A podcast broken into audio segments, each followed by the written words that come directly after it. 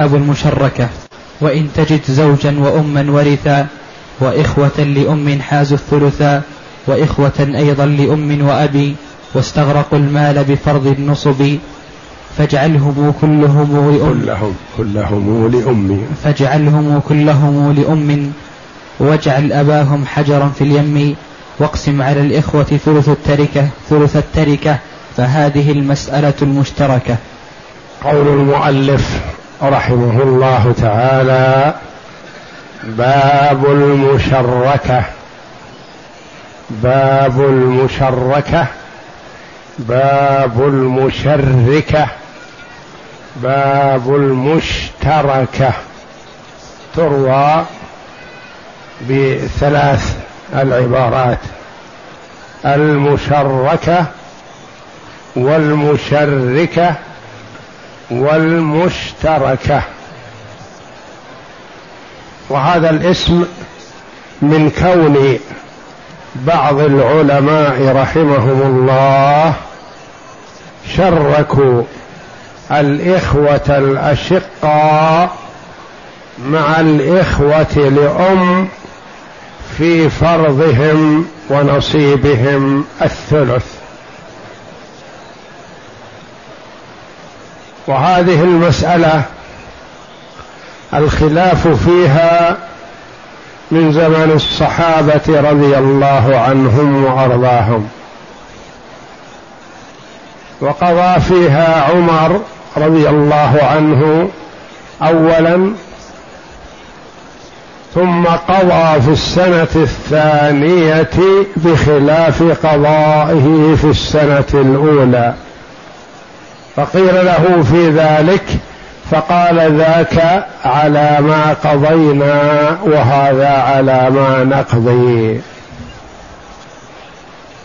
واختلف فيها الصحابة رضي الله عنهم كما اختلف فيها الأئمة الأربعة أبو حنيفة ومالك والشافعي وأحمد رحمة الله عليهم.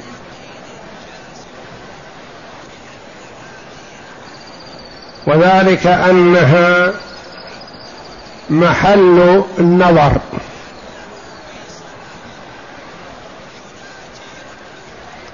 فعرض على عمر رضي الله عنه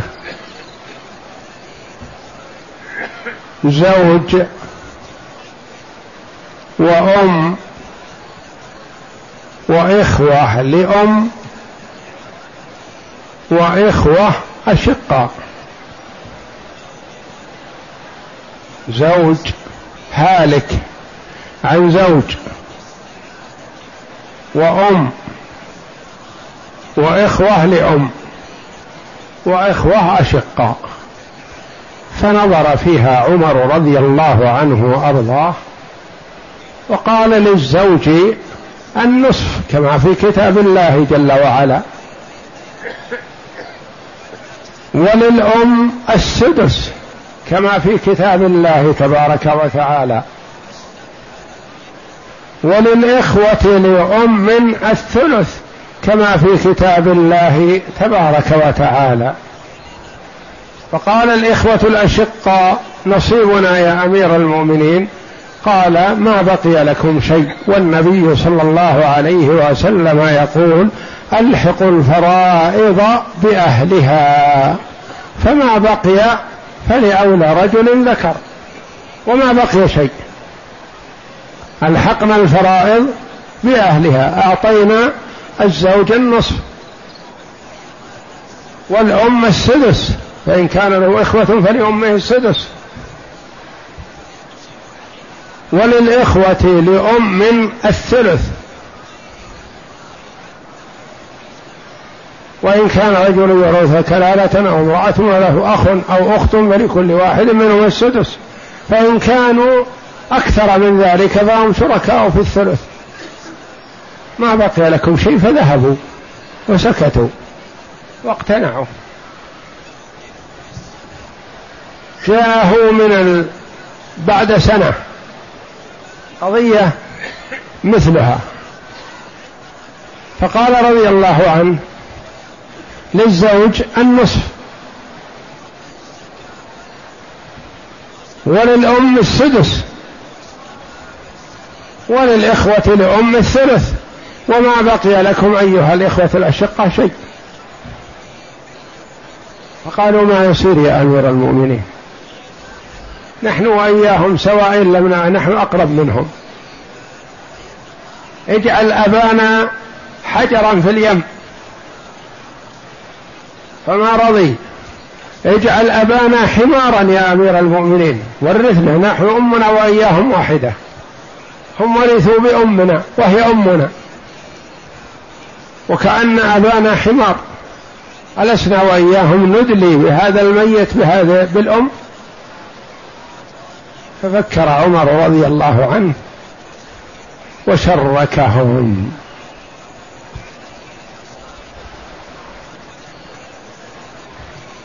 وهذا يؤكد قول النبي صلى الله عليه وسلم إنما أنا بشر ولعل بعضكم يكون ألحن بحجته من بعض فأحسب أنه صادق. فمن قضيت له بحق أخيه فلا يأخذه فإنما هي قطعة من نار فليأخذها ولا يدعها إنكم تختصمون إلي ولعل بعضكم يكون ألحن بحجته من بعض فأحسب أنه صادق. هؤلاء جادلوا أمير المؤمنين وقالوا يا أمير المؤمنين بما ورثتهم بأمهم أليست أمنا اجعل أبانا حمارا. ما يبعدنا أبونا. إن لم يقربنا فلا يبعدنا من هذه الميتة. هذه أختنا الشقيقة. وهؤلاء إخوتها لأم ونحن من الأم والأب. فجمعهم رضي الله عنه على الثلث وشركهم. وأخذ بهذا من بعده بعض الصحابة رضي الله عنهم. أخذ بهذا عثمان بن عفان رضي الله عنه ويروى عن زيد بن ثابت رضي الله عنه الذي قال عنه النبي صلى الله عليه وسلم أعلم أمتي بالفرائض زيد بن ثابت؟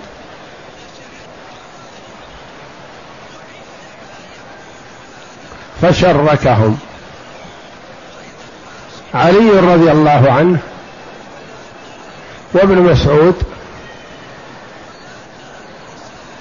وابو موسى الأشعري وجمع من الصحابة لا يرون هذا. يقسمون على قسمة عمر الأولى فيعطون الزوج النصف هذا لا إشكال فيه. ويعطون الأم السدس وهذا لا إشكال فيه. ويخصون أولاد الأم بالثلث. ولا يعطون الإخوة الأشقاء شيئا. وهذا مقتضى القياس والنظر وحسب وضوح الأدلة. ألحق الفرائض بأهلها هذه فرائض. فرضها الله جل وعلا. وما بقي فلأولى رجل ذكر. هل بقي شيء؟ ما بقي شيء. فلا يعطى الإخوة الأشقة. والإخوة الأشقاء يأخذون أحيانا كثيرة ولا يأخذ معهم الإخوة الأم. ولا طمعوا في المشاركة معهم. لكل نصيب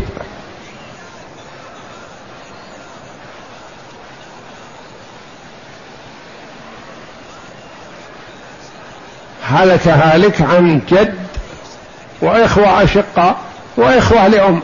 الإخوة لأم ما لهم شيء. ينفرد الأشقاء والجد.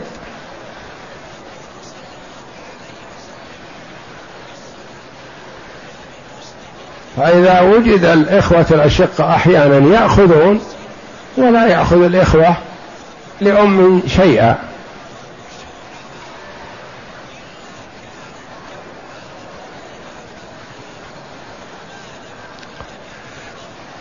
فهذه المسألة أركانها المسألة المشركة أو المشتركة أو المشتركة.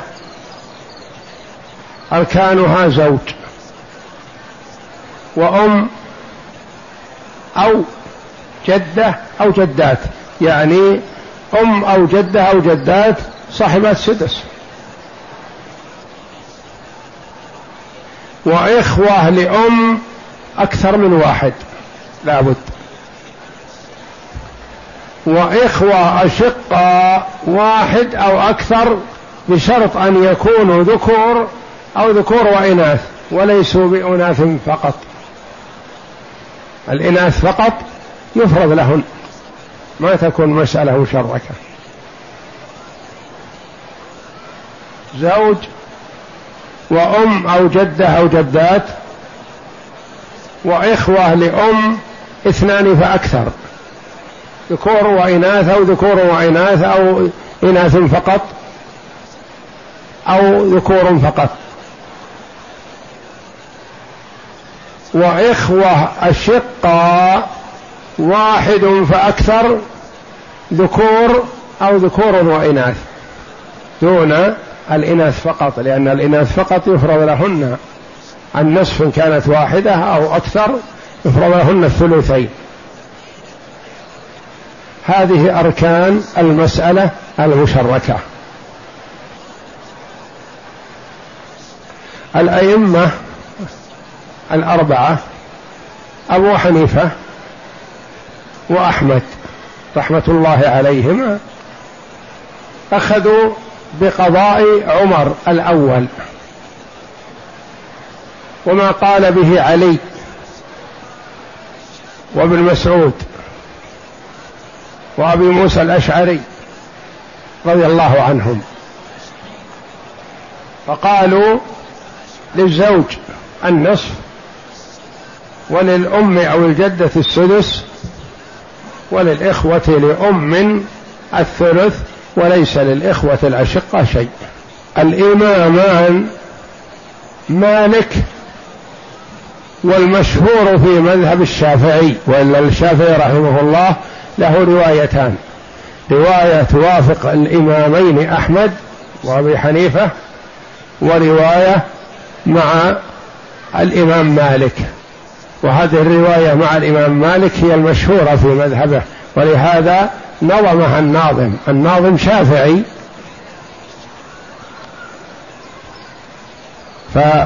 فذكرها لأنها هي المشهورة في المذهب الشافعي اللي هي تشريك الإخوة الأشقاء مع الإخوة لأم.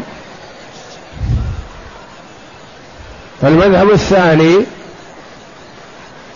الذي يقول للزوج النصف هذا لا إشكال فيه وللأم أو الجدة أو الجدات السدس لا إشكال فيه والثلث الذي يأخذه أولاد الأم يشرك معهم الإخوة الأشقاء. ذكورا فقط أو ذكور وإناث.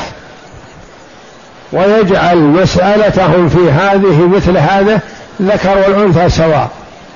ولا يفرق بين الأخ والأخت ولا بين الشقيق ومن لأم. يقول ورثوا بالأم فقط فيشتركون. ويكون كلهم بمثابة إخوة لأم. وهذه فيها مخالفة للدليل مع اجتهاد بعض الصحابة رضي الله عنهم. مخالفة للدليل ثم مخالفة للقياس. كيف في مسألة يفضل الذكر على الأنثى الأشقة والشقائق وفي مسألة هذه ما يفضل الذكر على الأنثى؟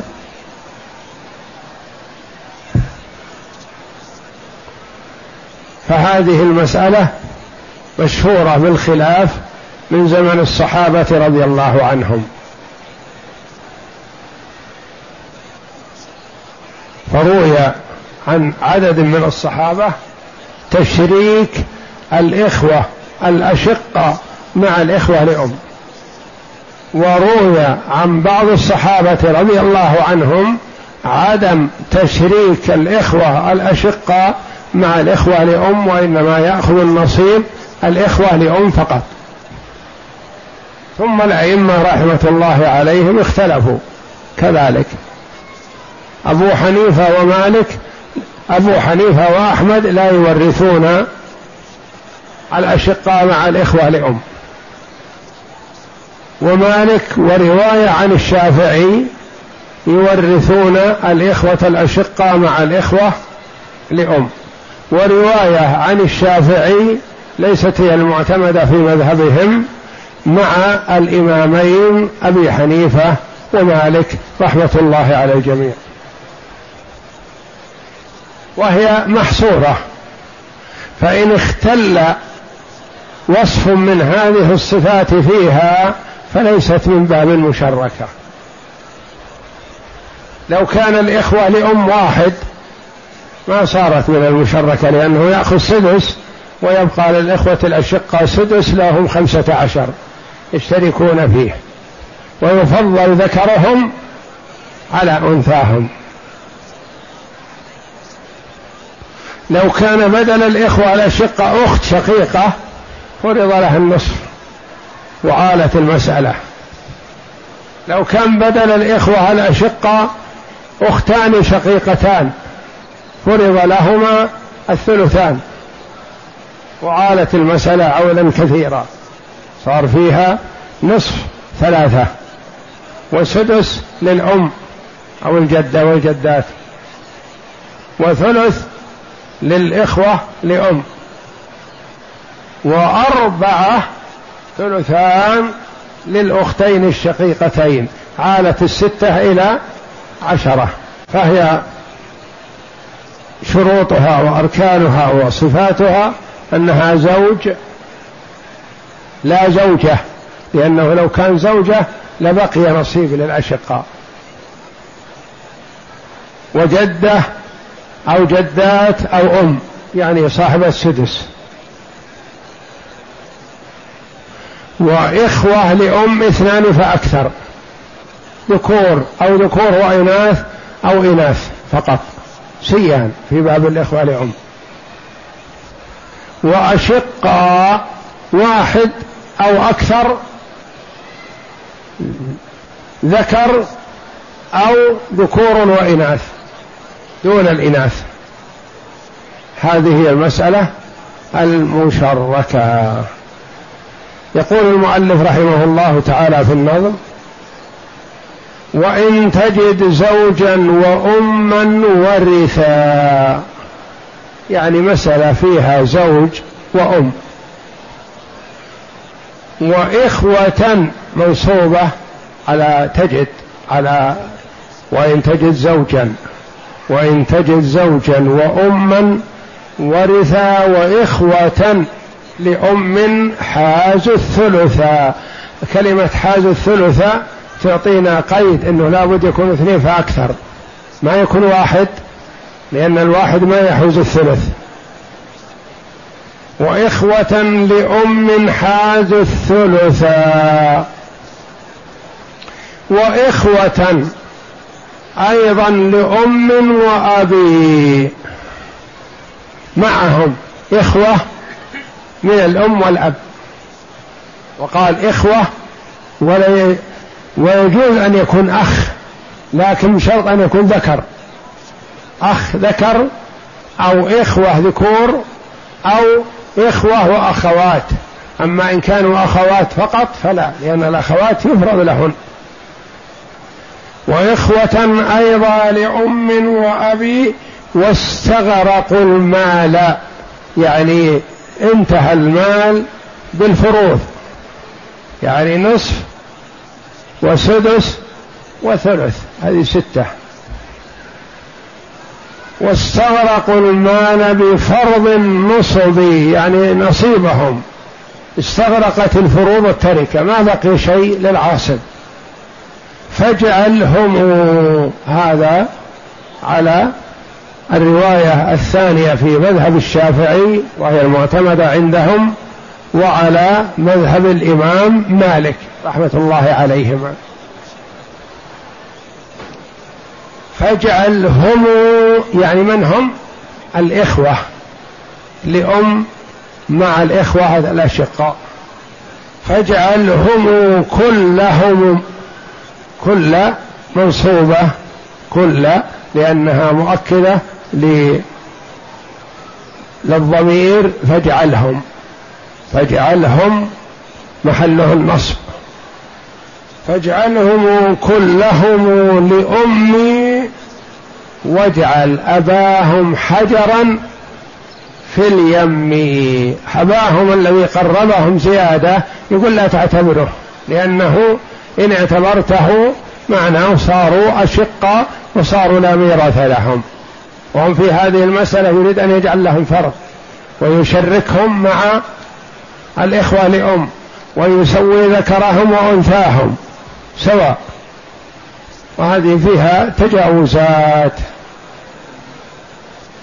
واجعل أباهم حجرا في اليم لأن الجماعة الأخيرين اللي جو إلى عمر تجرأوا قالوا اجعل أبانا حجرا في البحر اليم البحر. إن لم يقربنا أبونا فلا يبعدنا. ثم لم يلتفت لهم أو ما استجاب لهم قالوا يا, أب يا أمير المؤمنين اجعل أبانا حمار. فتسمى المسألة المشركة وتسمى المشتركة وتسمى اليمية وتسمى البحرية وتسمى الحجرية وتسمى الحمارية. اجعل أبانا حمارا. واجعل أباهم حجرا في اليم اليم البحر. واقسم على الإخوة مطلقا من أب وأم أو من أم فقط. واقسم على الإخوة ثلث التركة يعني الثلث الذي هو نصيب الإخوة لأم. فهذه المسألة المشتركة يعني اشترك فيها. الإخوة لأم مع الإخوة الأشقاء. هذه مسألة وحيدة مشهورة. اليمية والبحرية والحجرية والحمارية والمشتركة والمشركة والمشركة.